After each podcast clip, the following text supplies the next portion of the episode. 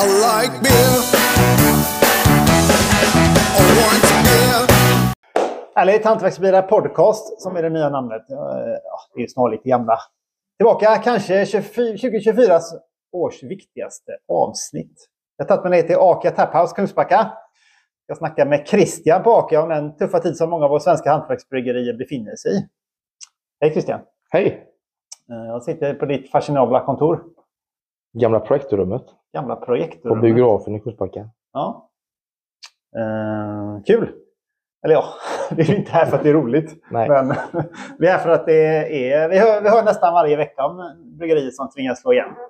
Det var inte så länge sedan vi hörde om Tempel i Uppsala som skulle lägga ner och det var även något surr om Rå i Helsingborg skulle kanske gå den vägen också. Sluta brygga öl i alla fall.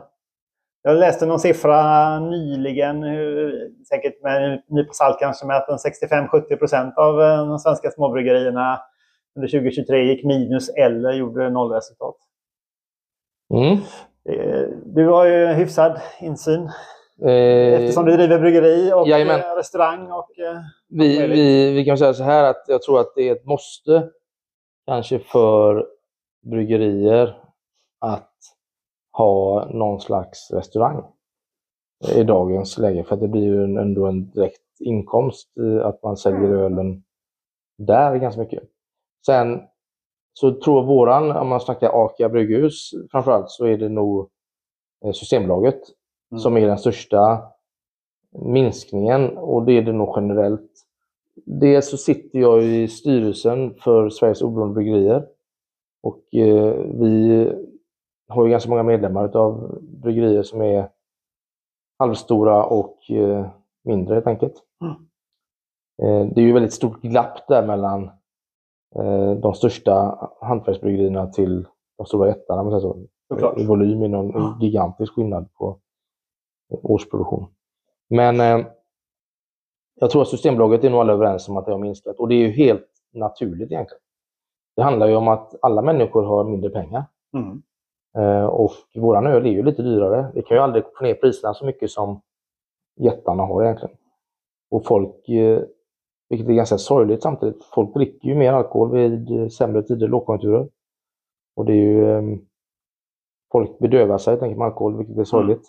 Eh, Så att det är ju eh, också en full rätta. Så att det är väl, jag ska inte nämna namn, men det finns ju en, en eh, amerikansk rappare som myntade ett uttryck för en viss öl som, eh, som eh, har nog sina glansdagar just nu, säljer mest av alla öl, för den är billigast på Systembolaget. Ehm, Så att jag tror att många, de flesta, många som har lagt ner har nog antagligen från början, vilket var ganska självklart, att det var en, en ny boom Mm. med brygga öl och hantverksöl. Och många tog nog på sig lite stora lån. Detta är bara gissning, jag säger inte att något av dem som har gått under har, har haft det här problemet, men att eh, man har för mycket fasta kostnader Mm. helt enkelt. Eh, jag själv har inte så mycket lån. Däremot så fick jag inte riktigt, eh, jag hade ju två anställda bryggare så jag har själv sagt upp dem. Eller vi då, det är inte jag personligen utan vårt bolag har sagt upp dem. Varav en av dem slutade igår. Ah. Det positiva med detta egentligen, om man ska säga det positiva, är att jag har gått tillbaka till där jag startade någonting och får Mm. brygga öl igen och det är oerhört roligt. Mm. Eh, så jag har eh, sen i somras har fått hjälp med bokföring. Det blir mer och mer pappersarbete när man växte. Mm. Och sen har jag det moderbolaget som heter Craft Beer and Spirit Sweden. Har anställt en säljare. Så vi säljer ju öl för fler bryggerier. Eh, vi har exempelvis Barlind, Bearded Rabbit, Berium. Mm. Och sen har vi, vi hade ju mycket utländska bryggerier förut, Mm. eh, men det har vi ju slutat med. Dels för att kronan är så svag. Men eh, eh, så vi säljer också självklart Akias öl då. Eller Daniel då som han heter. Mm. Som en av de som fick gå från Stiberget för att de var tvungna att rensa ekonomin egentligen Mm. också. Så att han jobbar som säljare nu för, och därför har vi nog ökat vår försäljning nu på restaurang. Men minskningen är så pass stor på Systembolaget så att eh, Det väger inte upp. Nej. nej. Nej. Och därför var jag tvungen att eh, eh, säga upp mina bryggare. Mm. Men du säger, eh, det kan vara ett måste att ha någon form av taproom, restaurang, dylikt. Jag tänker att fler ben att stå på, det är många som snackar om så här. Men det är ju rätt så stor investering att dra igång någonstans där du kan servera öl. Och ha kanske kock och kök och restaurang. Och, vet, det är mycket grejer. Jo, det är det ju. Vi har gjort en, vi kan ju säga så här att eh, vi hade ju inte... Vi, vi öppnade ju helt fel läge. Vi öppnade ju i mars förra året, så att det var ju... Eh, nu skulle vi öppnat egentligen flera år innan dess, men det var ju problem med lokalen då. Så att vi hade inte, och där vill jag nästan ge en liten eloge till Arnäs som är fastighetsägare här. Och eh, hantverkarna också som har hjälpt oss och de förstår ju läget. Och eh, eh, Ja, så, så de har ju fattat hur svårt det är att öppna egentligen, så vi får ju rabatt på hyran. Sen är det ju eh, tanken att vi ska gå med produktion här också. Det är också med lågkonjunktur. Vi har ju, Mm. Nu börjar faktiskt vecka fem här ska de börja installera jästankarna då, vid kyl, kylningen. Mm. Så att vi sakteliga måste vi ju ändå komma igång och stå starkt rustade för när detta släpper, för släpper gör det. Sen om det kommer vara samma intresse vet man ju inte, men jag tror ju det att intresset, jag tror starkt på att intresset för hantverksöl är fortfarande Mm. jättestort. Eh, och mycket är ju viktigt, eh, stora frågor. Differentierad alkoholskatt är ju superviktigt Mm. för detta. Och eh, det jobbar vi väldigt starkt med styrelsen för, eller i föreningen Oberoende Bryggerier. Då. Precis. Eh, jag tänker man, det vad kör ni? Ni kör då restaurang, ni har ni vissa event här också. Importverksamheten och du avslutar säger du i stort sett för att det är så mycket svårighet med valuta. Ja, men den är ju inte avslutad, men den är ju, ligger ju på is. Ja, Eh, den är, vi har bara egentligen ett bryggeri, men det är också, vi hade, hade ett lager utav dem och sen får vi in lite nytt öl och det är observatoriet då från... Mm. Sen kommer vi väl ta upp den tråden igen, för jag tycker att det är någonstans, även om man vill gynna svensk hantverksöl i alla dagar i veckan, så är det ju trots allt eh, communityt eller om vi tar hit spanska bryggerier, eller om vi tar hit franska eller danska bryggerier, Mm. så blir det ju ett utbyte för våra öl kommer ju ner till Spanien och Holland och Frankrike och så vidare. Så att jag tror ändå att det är en, i långa loppet tror jag ändå att det är en, en fruktbar utveckling att samarbeta även över gränserna. Man nu, Mm. för Sverige är ju ett väldigt eh, erkänt ölland numera. Och då är det väldigt lätt att exportera öl Mm. till. Och då kan vi växa ännu mer tillsammans här i Sverige med hantverksöl överhuvudtaget. Så jag tror att exportmarknaden som vi fortfarande på AK har kvar och dessutom är den nästan mer enklare nu för det, kronan är ju så, nu säljer vi alltid euro i och för sig men så att vi har ju inte minskat våra priser för det. Att, eh, men en euro är mycket mer värd nu än vad det var förut. Ja, så är vi tjänar mer pengar när vi exporterar nu än Ja. vi gjorde innan. Höjda priser på Systembolaget. Ni som bryggerier kan inte höja priset när ni vill. Systembolaget, de har vissa fönster Ja. per år eller en, två, tre, fyra gånger. Eh, jag, tre eller fyra gånger, jag är faktiskt Mm. lite osäker där. plötsligt. Och du har ju ett gäng välbumlade 44 centiliters eh, IPOR, dubbel-IPor som kostar uppåt en 50-lapp ungefär. Ja, strax under 50-lappen precis. Strax så. under, ja. Vad tror du smärtgränsen ligger för en, liksom, eh, en hantverksöl av, av den kalibern? Jag, jag kikar lite grann på, eh, på eh, nyheter som kommer här i januari från eh, utlandet. Jag förstår att det är frakt och sånt givetvis på dem också, men där är det inte helt ovanligt med 100-125 spänn. Nej, jag tror att smärtgränsen är, den är nog nådd egentligen, om man ska vara helt ärlig. Men, eh, eller inte, inte prismässigt, för att det är inte så att vi har ökat jättemycket i kostnaden på Systembolaget. Vi har höjt ytterst lite kanske, så att det är inte så att det är en tia per burk. man säger så. Nej. Däremot så är det ju människors ekonomiska situation självklart som påverkar mycket. Mm.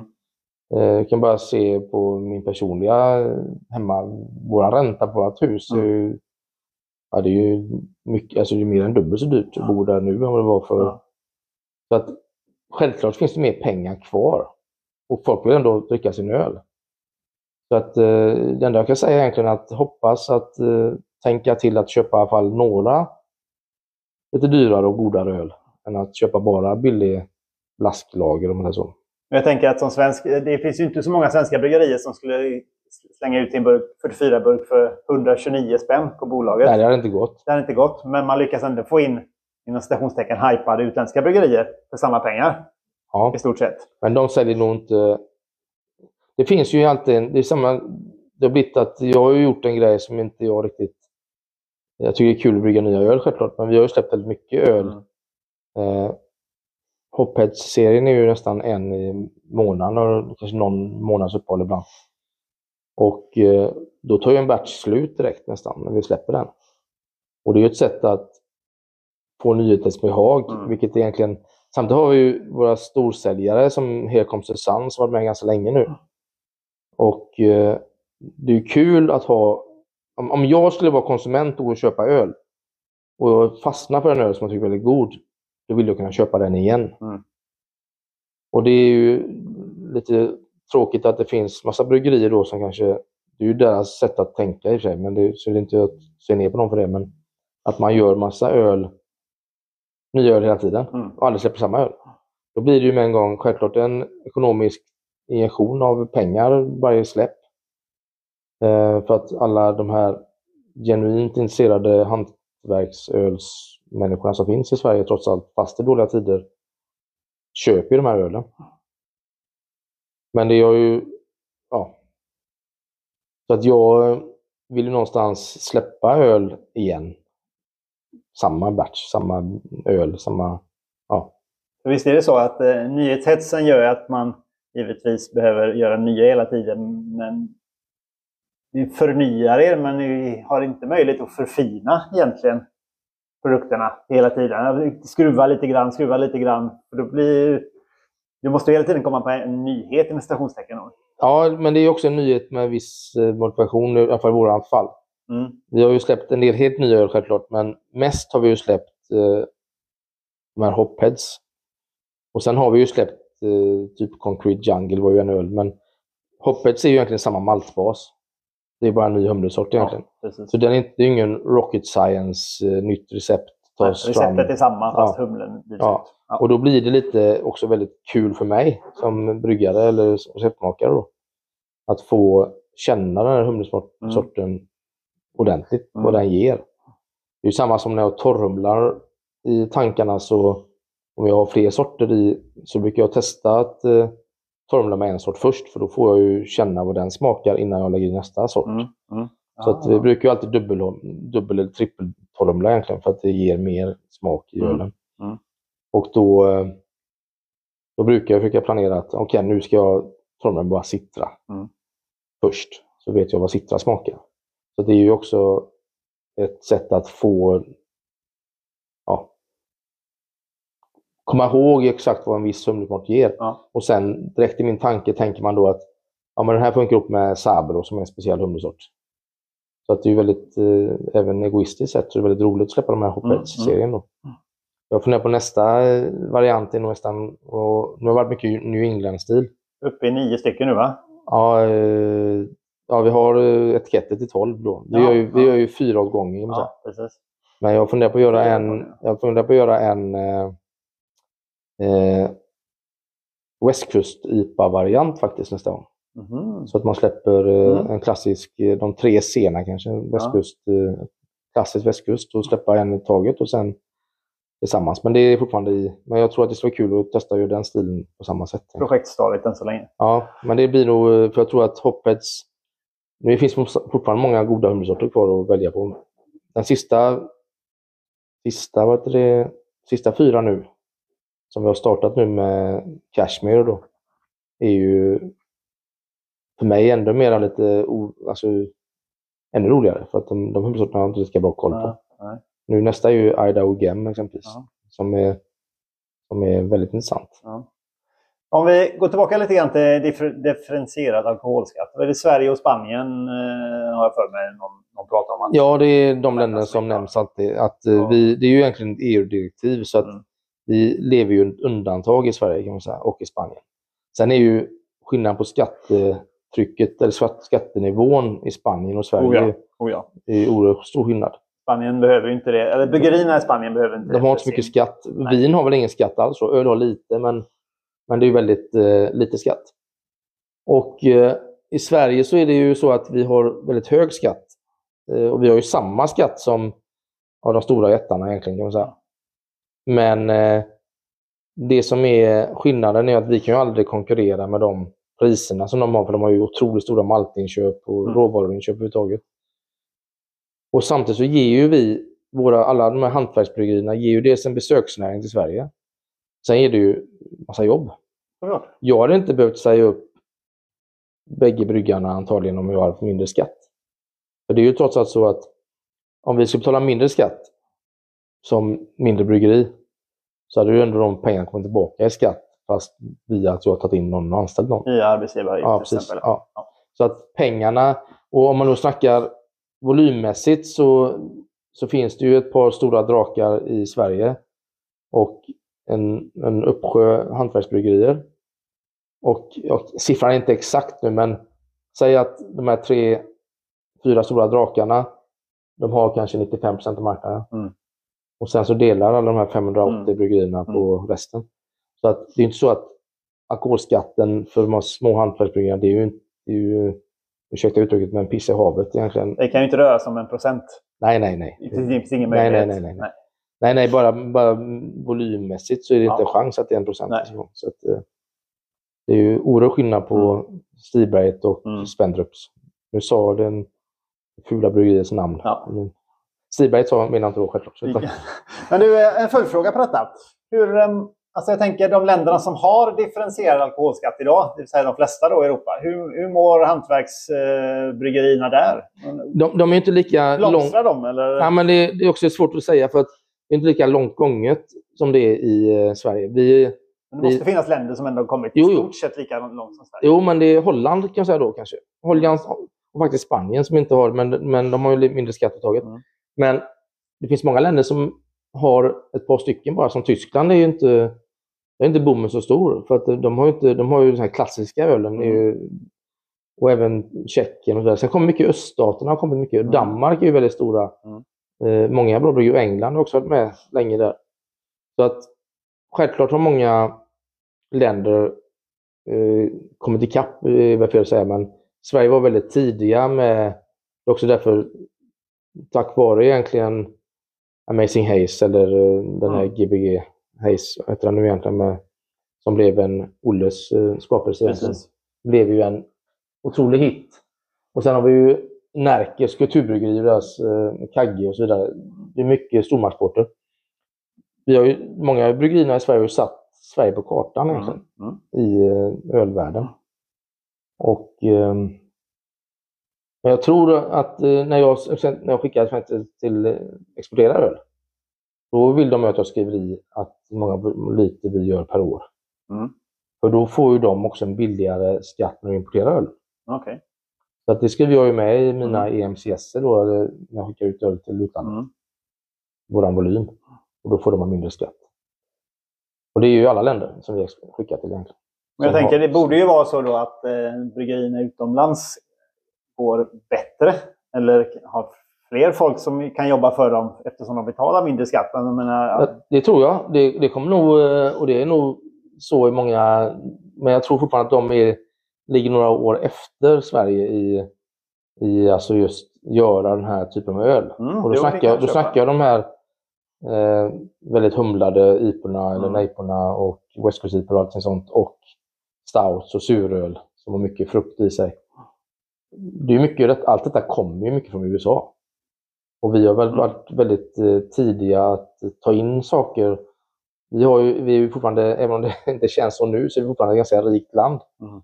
Vi har ju verk- verkligen haft råd att köpa och intressera och folk köper egna brygger hemma. Och Mm. intresset har ju växt väldigt mycket i Sverige tack vare att vi ändå är ett i grund och botten ett välställt land. Kan man säga så. Ja, dels är vi eh, early adopters vad gäller nyheter. För vi har ju vi är ett väldigt litet land trots allt. Ja, ja. så- Och vi har ju rest mycket Ja. eh, under väldigt lång tid eh, i kan ta, världen. så att- ta en parallell med musikbranschen egentligen.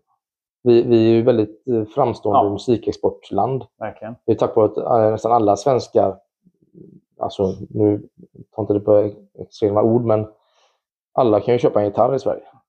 Eller en synt eller vad som helst och börja programmera och göra musik själv Mm. hemma. För det, det, det är ju så att vi har ju någonstans en, en grundstomme i Sverige på ekonomiska planet. Om så. Eh, Vi snackar, du snackar om 500-ish eh, mikrobryggerier, eller hantverksbryggerier i alla fall. Eh, Är det så, kanske en känslig fråga, men är det så att vi har en klar överetablering av bryggerier i Sverige?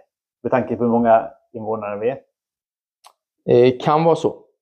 Jag, jag tror att eh, Du var inne lite på det själv förut, men att det var väldigt många som startade i bomull liksom, och kanske inte riktigt hade koll på allt med vad investeringarna hette och sådana saker. Är det så att vi har en eventuell överetablering av Ja, det. hantverksbryggerier? Jag vet att, eh, om vi snackar Tjeckien och Tyskland förr i tiden, det fanns liksom ett bryggeri i varje by. Men de försökte ju bara, de levererade ju, eller hade sin egen krog och sen var där ölen såldes liksom. Och det var inte mer med det. Men här ska ju alla, de flesta bryggerierna sälja till hela Sverige. Att, eh, det kan vara så att, eh, det är svårt att veta egentligen, för det, jag har inget svar på den frågan. nej, det- Men däremot så tror jag att det kan vara så att, eh, att det är för många. Men jag tror i Göteborg är så jäkla många bryggerier. Mm. Och det känns ändå som att eh, många av dem funkar ju egentligen. Ingen, alltså alla har ju minskat sin försäljning, hört nu då, men eh, och många har ju sagt upp folk. Det är ju väldigt många med oss nu som sagt upp massa människor så att eh, eh, alla känner ju av.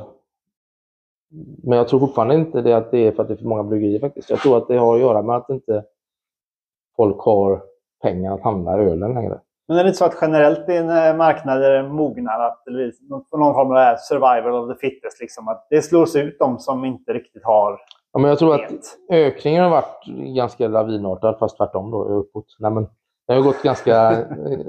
eh, bestiga Kebnekaise. Nej, men Ja. det har ökat ganska snabbt Mm. och sen har det ju det planat ut.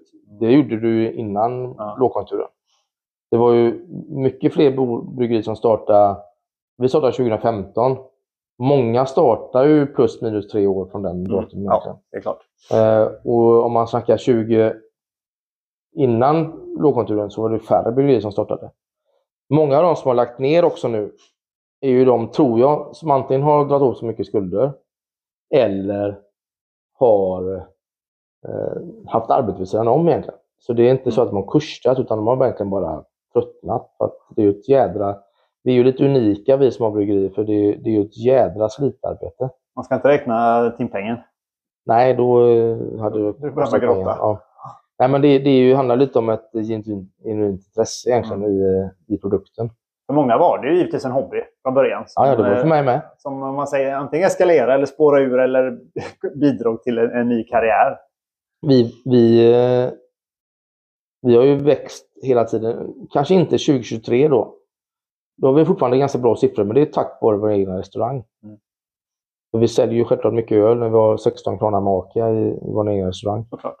Men vi har nog, ja, nu, tack vare lågkonjunkturen, så har vi nog inte ökat 20, eller jag är ganska säker på att vi inte har ökat. Mm. För det är ganska nära nu. Vi har brutit räkenskapsår så vi, sista april är ju, och det är ju snart där. Ja. Så att vi kommer inte komma upp i de siffrorna som vi hade 2022 till 2023 då. eller så. Till och med, ja. Men, eh, och då är det ju, och då har vi ändå ökat på restaurang. Mm. Och, och minskningen är, ju- är ju uppenbart på Systembolaget helt enkelt. Det är där folk köper med sig hem i Mm. tv-soffan om det är så. Jo, vi var inne på det här. Vad kan vi som är involverade i involverade i branschen, synd att säga att man är kanske, men, men du är ju definitivt i alla fall. Jag tänker vi som är ölentusiaster, vi väljer ju alltid hantverksöl i stort sett. Och, eh, men vi behöver ju få över andra att vilja prova mer hantverksöl. Du var inne här på att intresset bör ju ha växt. Tänk med boomen såklart. Ja. Men går intresset tillbaka nu eller är det helt enkelt bara plånboken som styr? Jag menar, hantverksöl kostade ju innan också väldigt mycket mer såklart. Ja, men jag tror att plånboken är en stor grej, men samtidigt är det så att vi har ju otroligt många... Jag tror att hantverksöl överlag i Sverige har kvaliteten ökat väldigt mycket. Det tror jag också. Eh, och det gör ju att folk kanske väljer... Eller det är för många människor som inte vet om att det finns. Utan folk går in på sin vana och köper sitt flak med sin, sin eh, bira som är kommersiellt gjort av stora bryggerier och tänker inte mer än så. Alltså, eh, För, för mig då, jag är ju ingen referensperson. Absolut inte, för det känns helt otänkbart. Ja, men jag tror att det är så. Ja. Och, och där är ju, som sagt, 95% av marknaden är ju inte hantverksöl. Nej. Och då finns det väldigt många andelar att ta utav egentligen. Och en sak som har hänt nu, det är, ju- det är ju mycket propet nu, men det handlar ju om den här Konsumentverkets eh, eh, dom, kan man säga, att de, inte, de stora bryggerierna får inte ha 100 eh, Mm. bryggerilånen då, som man snackar om. Den, den är ju, de är ju fällda för detta. Och de har ju kommit in med en egen, eh, en, eh, ett sätt att lösa detta. Och då har de ju släppt 20% av... De måste släppa 20% till andra aktörer Mm. på alla sina krogar egentligen. Mm. Sen är det, det finns ju alltid sätt att rundgå olika bestämmelser och regelverk egentligen. Men förhoppningsvis så kommer det ju göra att, eh, att några krögare kanske blir lyckliga för att de kanske alltid har velat ta in hantverksöl Mm. men inte fått lov. Nej, Nu kan de verkligen visa att de får lov. Och det kommer göra att kanske på även de största ställena hittar du kanske en hantverksöl helt enkelt. Mm. Och det, det kommer ju vara att förhoppningsvis kommer det synas. Det är ju ett steg i, i dessa arbeten som många entusiaster gör helt enkelt för att det ska bli bra egentligen. För, Mm. så att vi har en jätte, det är därför också många, eller vi som bryggerier hjälps ju åt. Det finns, vi har känns, jag känner inte att jag är konkurrent till några av mina kollegor i branschen för att vi har så liten del av andelen, alltså Mm. totala andelen. Så vi kan bara tillsammans växa. Mm. Vi har ju, det är inte utav kollegor i branschen jag ska ta andel utav, utan det är ju Nej, nej, nej. nej. från de stora. Och där tror jag, så länge vi snackar om det och så länge det finns och att och också en grej som är nytt för många hantverksbryggerier egentligen, det är att släppa pilsner och lageröl. Det har ju ökat, nästan alla gör ju det, men Mm. vi, vi, för oss är det utan tvekan våra storsäljare. Ja, det är så. Ja, ja, Mm. vi säljer mycket mer. Mm. och det kommer göra att eh, fler kommer ju märka, för det är ju den ölstilen som också dricks mest. Mm. IPA är ju en trend som har varit med länge nu och även surölen var en trend som har väl lite dött ut tror jag. Men, eh, alltså Berlinerweiss då. Mm. Eh, men utan tvekan så är det ju så att eh, det är samma som alla bryggare man pratar med. Vi dricker mest lager och Ja.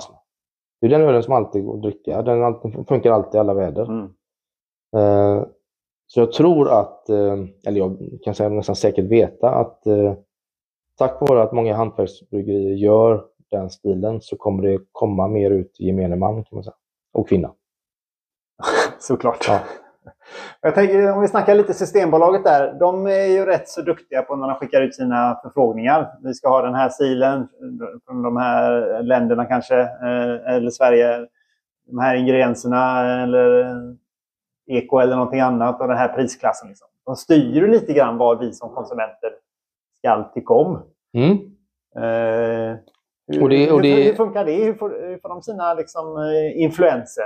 Nej, det är svårt alla dessa. Framförallt är det ett, ett område som vi nosar på lite och varit skickat in offerter på.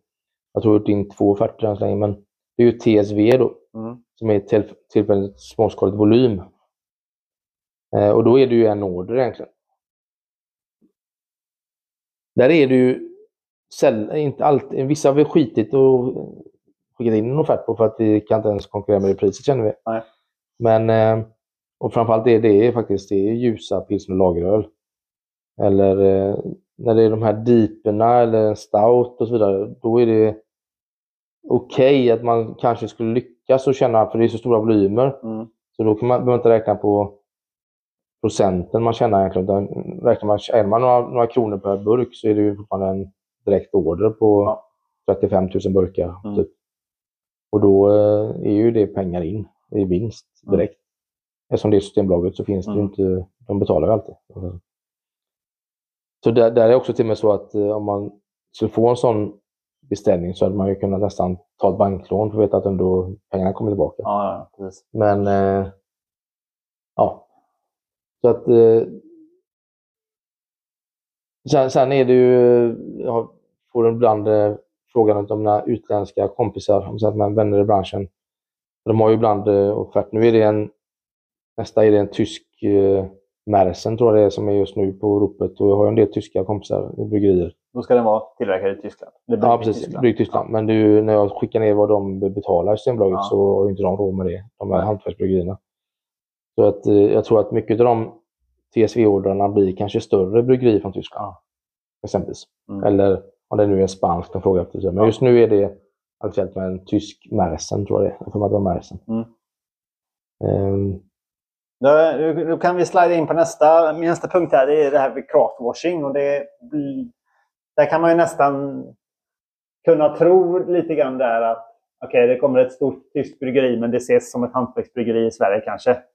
Eh, av många mm. eh, ölkonsumenter. Eh, det kan vara ett sätt för dem att liksom försöka göra sitt märke lite mer hantverksölsmässigt. Komma in i Sverige. Hur vanligt är det tycker du bland de, de stora svenska jättarna att, eh, att vi liksom, en del har ju startat liksom undermärken som, som ser eh, lattjo ut burkarna för att se ut som hantverksöl. Eh, tycker du att det är, är det ett stort, en stor utmaning för er? Ja, jag tror att eh, de flesta i, i eh, inte flesta nu tar i, men många som dricker öl i Sverige har ingen aning om att Melleruds eh, Prima Pilsner inte är gjord i Mellerud. Så är det. Så att eh, de tycker bara att oh, Melleruds, vad heter den extra fina pilsner, men och det är lite exotiskt, men det är Mm. lite fint och småskaligt. Småskaligt. Eh, och det är ju så mycket bullshit så att det är löjligt eh, egentligen. Så att, eh, men sen finns det ju då fina, riktigt grymma bryggerier från Tyskland som Eiginger exempelvis som är väldigt, Mm. jävligt, jävligt bra, ursäkta jag svär, Mm. men grymt bra öl. Eh, och jag har faktiskt ingen aning hur stora, stora de är. Och jag tror att det någonstans gynnar, någonstans är det tack vare att vi har intresset i Sverige så är det bra att vi får in lite utländskt blod om man säger så. Så det inte blir totalt inavel egentligen att bara är svensk öl. Sen självklart så ska vi stötta svensk öl nu så att alla överlever. Men jag tror som ölintresset som sådant är ju byggt av det vi sa från början. Att, Influenser utifrån. ja, att det har kommit massa, att, att vi har lärt oss från utlandet egentligen. Ehm, Ja, vi har inte haft den genuina ölkulturen, öl, ölbryggar, ja, lång tid tillbaka kanske. Men inte, Ja, men inte nu. Inte och tid, liksom. Intresset har ökat tack vare, att, eh, ja, tack vare USA, säger jag igen då. Mm. För det var ju där många tog in öl till Sverige ja, tidigt. Som, eller, ja, IPA-trenden eller Pale Ale-trenden. Och öl som smakade blommigt istället för Mm. att smaka ja, brödigt. Kan man säga. Mm, ja. Jo, även festivaltrenderna har vi ju importerat därifrån. Ja, ja, precis. Vi får inte lov att göra det fullt ut bara. Nej, Vi kan inte betala inträde och dricka mycket vi vill. nej, det är klart. Det Det är inte, göra. det är inte, lag, det är inte lagligt enligt svensk lag. nej, nej, nej. Vi måste i alla fall betala för varje öl. Varje öl, Ja. ja. Mm. Så att, eh, det funkar inte att göra som eh, det där stora i Köpenhamn. Som, Nej, nej, precis. eh, så, eh, Så kul får vi inte ha i Sverige. Nej. nej. Har du själv funderat på lite fler event här för att öka liksom, eh, kundtillströmningen eller något i den stilen? Vad, vad kan du mer göra lokalt? ja, men det, gör- det gör man ju alltid. Jag tycker det är väldigt kul att blanda in helt andra saker. Vi har ju haft eh, galna event här egentligen som inte egentligen hör med, med ölbryggning att göra. Eller öl, men hitta nya publi ny publik. Vi hade ju hantverkslarn exempelvis. Det var ju helt fullt med äldre kvinnor här. Som alla färgade tyger och stickade och grejer. Och, och eh, den trenden tror jag är, den är väldigt mycket från England egentligen. Ja. Där är det ju ganska trendigt för även män att sticka. Så att eh, det är en kul grej. Nu har vi en dragspels... Eh, det är en dragspelsfestival på teatern i Kungsbacka. Jaha. Och de har efterfest där. Och då kommer det, ja, det är 40 bokade med massa dragspelsmänniskor helt enkelt. Bara det är ju från hela världen. Förkortningen är CIA. Dessutom ganska roligt. Eh, men eh, Så egentligen tänka lite utanför den berömda boxen. ja, jag tror det. Och sen eh, få... Eh, vi har ju alltid, jag har alltid önskat att... Eh, lite som Spanien egentligen. Eller många utländska, men Spanien säger jag bara för att jag varit mest i Spanien. Att få Aka Taphouse bli som ett andras vardagsrum Mm, egentligen. mm. Att man eh, har ganska humana priser. Du går dit och tar och tar en öl efter jobbet, äter middag med familjen. Spelar lite spel kanske, vi har ju massa sällskapsspel. Och så vidare. Får det bli mer, mer eh, europeiskt, Mm. Ja, Eh, lite, lite grann så är det ju den brittiska puben för många också. Precis. Att man sladdar in liksom. Även om eh, många kanske tycker att det är bara gubbarna som går på puben. Men det är mycket familjer också. Ja, och där är det ju massa kärringar också. Ska jag ta, Ja. men, eh, det är ju fantastisk eh, ölkultur i England. Eh, och den eh, har vi nog fått till viss del Mm. i eh, Göteborg. Men den kan nog Alltså, ta bara 20 år sedan så var det inte ens okej att ta en öl på en vardag. nej, nästan. nej. Utan att vi dricker vin till maten på en onsdag hemma, det är ju jättekonstigt. Ja, det, får säga, det får man inte säga till någon. Nej, men andra sidan så var det helt okej att hälla i sig en kvart eh, Explorer på en fredag, På lördag. fredag, lördag, ja. Ja, Ja. Så att vi har ju haft väldigt konstiga värderingar gäller alkohol i Sverige tack vare det. Men Eller ta en öl på flyget klockan 6.30 på morgonen. ja, det är ju standard, sånt som alla som åker till Gran Canaria. Precis. Eh, och där är det ganska kul, där har det hänt lite grejer. Eh, även om de är så stora nu så man vet inte riktigt vad man tycker om det. Men att både Åben och Mikeller exempelvis har på Köpenhamns flygplats. Så att, eh, Mm. Egna barer. Ja. ja, men precis. Så att eh, det har hänt mycket. Får ändå se dem som hantverksöl, även om Mikeller har ju aldrig varit ett eget bryggeri. Och kanske Warpix då, men, men eh, Åben har ju sin fantastiska anläggning i centrala Köpenhamn också nu. Så Ja, okej. Men du, innan vi, innan vi rundar av här, tror du att det kommer bli, eh, bli värre innan det blir bättre? Jag eh, har en känsla av att eh, 24 blir inte heller lätt. Men jag tror, framförallt nu när jag hörde om styrräntan och så vidare, jag tror ändå att Sverige är lite på väg ur konjunkturen. Och Jag tror att folk saknar väldigt mycket att eh, gå tillbaka till vardagen. Vi har varit väldigt skuffade i den biten. Det var ju först pandemi, och sen blev alla glada att kunna gå ut igen och dricka Mm. öl och vin och umgås och gå bio eller vad som helst Mm. egentligen. Eh, och sen kom den här smällen lite för tätt inpå kan man säga. Så att folk eh, är nog... Väl, vi är ju sociala figurer allihopa. Oerhört. Så vi saknar väldigt mycket hela det här få kramas var ju fantastiskt. Mm. Att man skulle vilja kramas lite längre helt enkelt.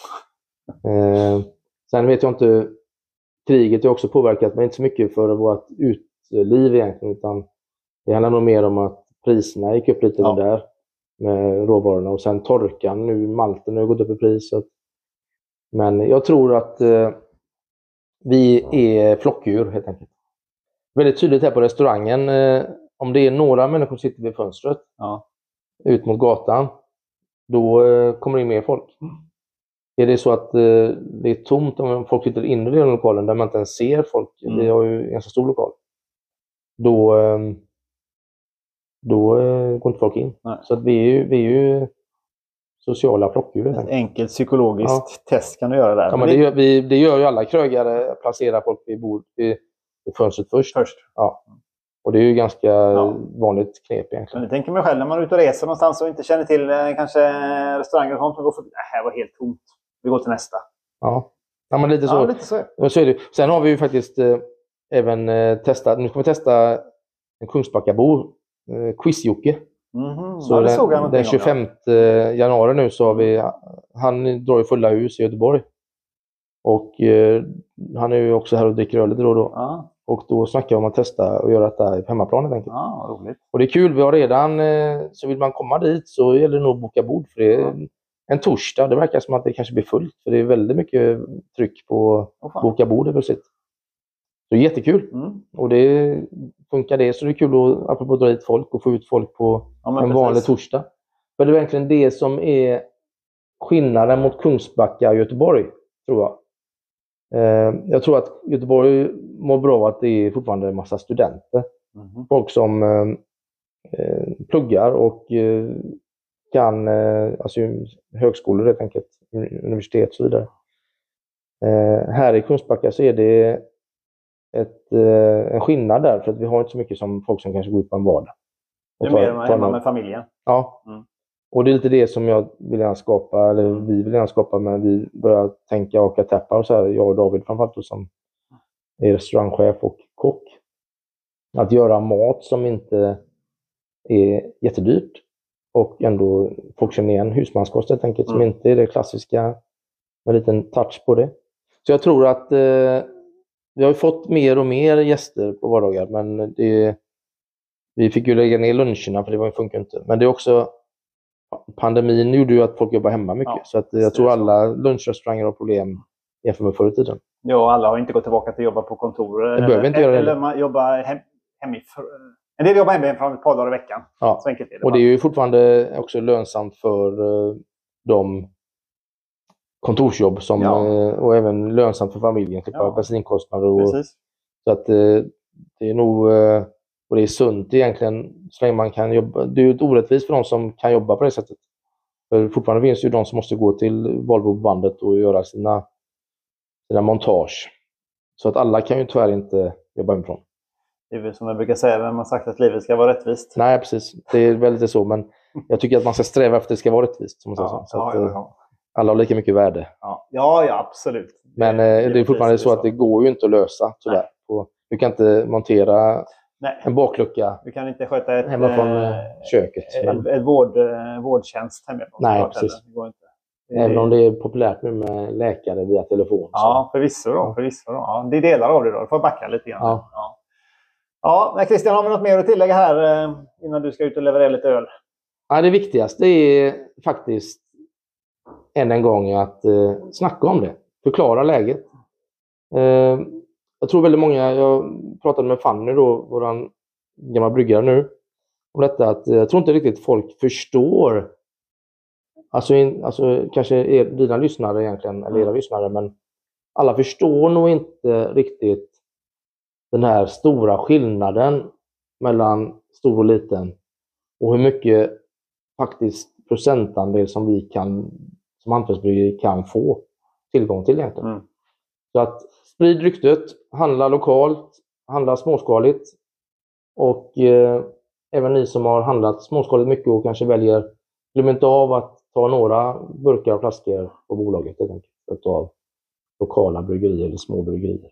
Det behövs ju inte mycket mer än att du byter ut en eller två av de andra Nej. mot ett lokalt småskaligt för att det ska ge en extremt stor skillnad. Och ge, ge släkt och vänner som inte har koll, Mm. ge dem en, en eh, hantverkspilsner istället då till, som, eh, nu, nu kanske drar alla över en gräns, men den gamla pappan i familjen som kanske alltid dricker, börjar på M och slutar på stad. Mm, Eh, exempel. eller guld, det finns också många nya bryggerier som gör numera. Mm, mm. Så att köp en eh, hantverkslager och ge dem lite inspiration på att det finns annat Mm. som är godare, utan tvekan godare och mer smakrikt. Det är en lite dyrare peng, så har de pengar till att köpa lite av den här ölen. Absolut.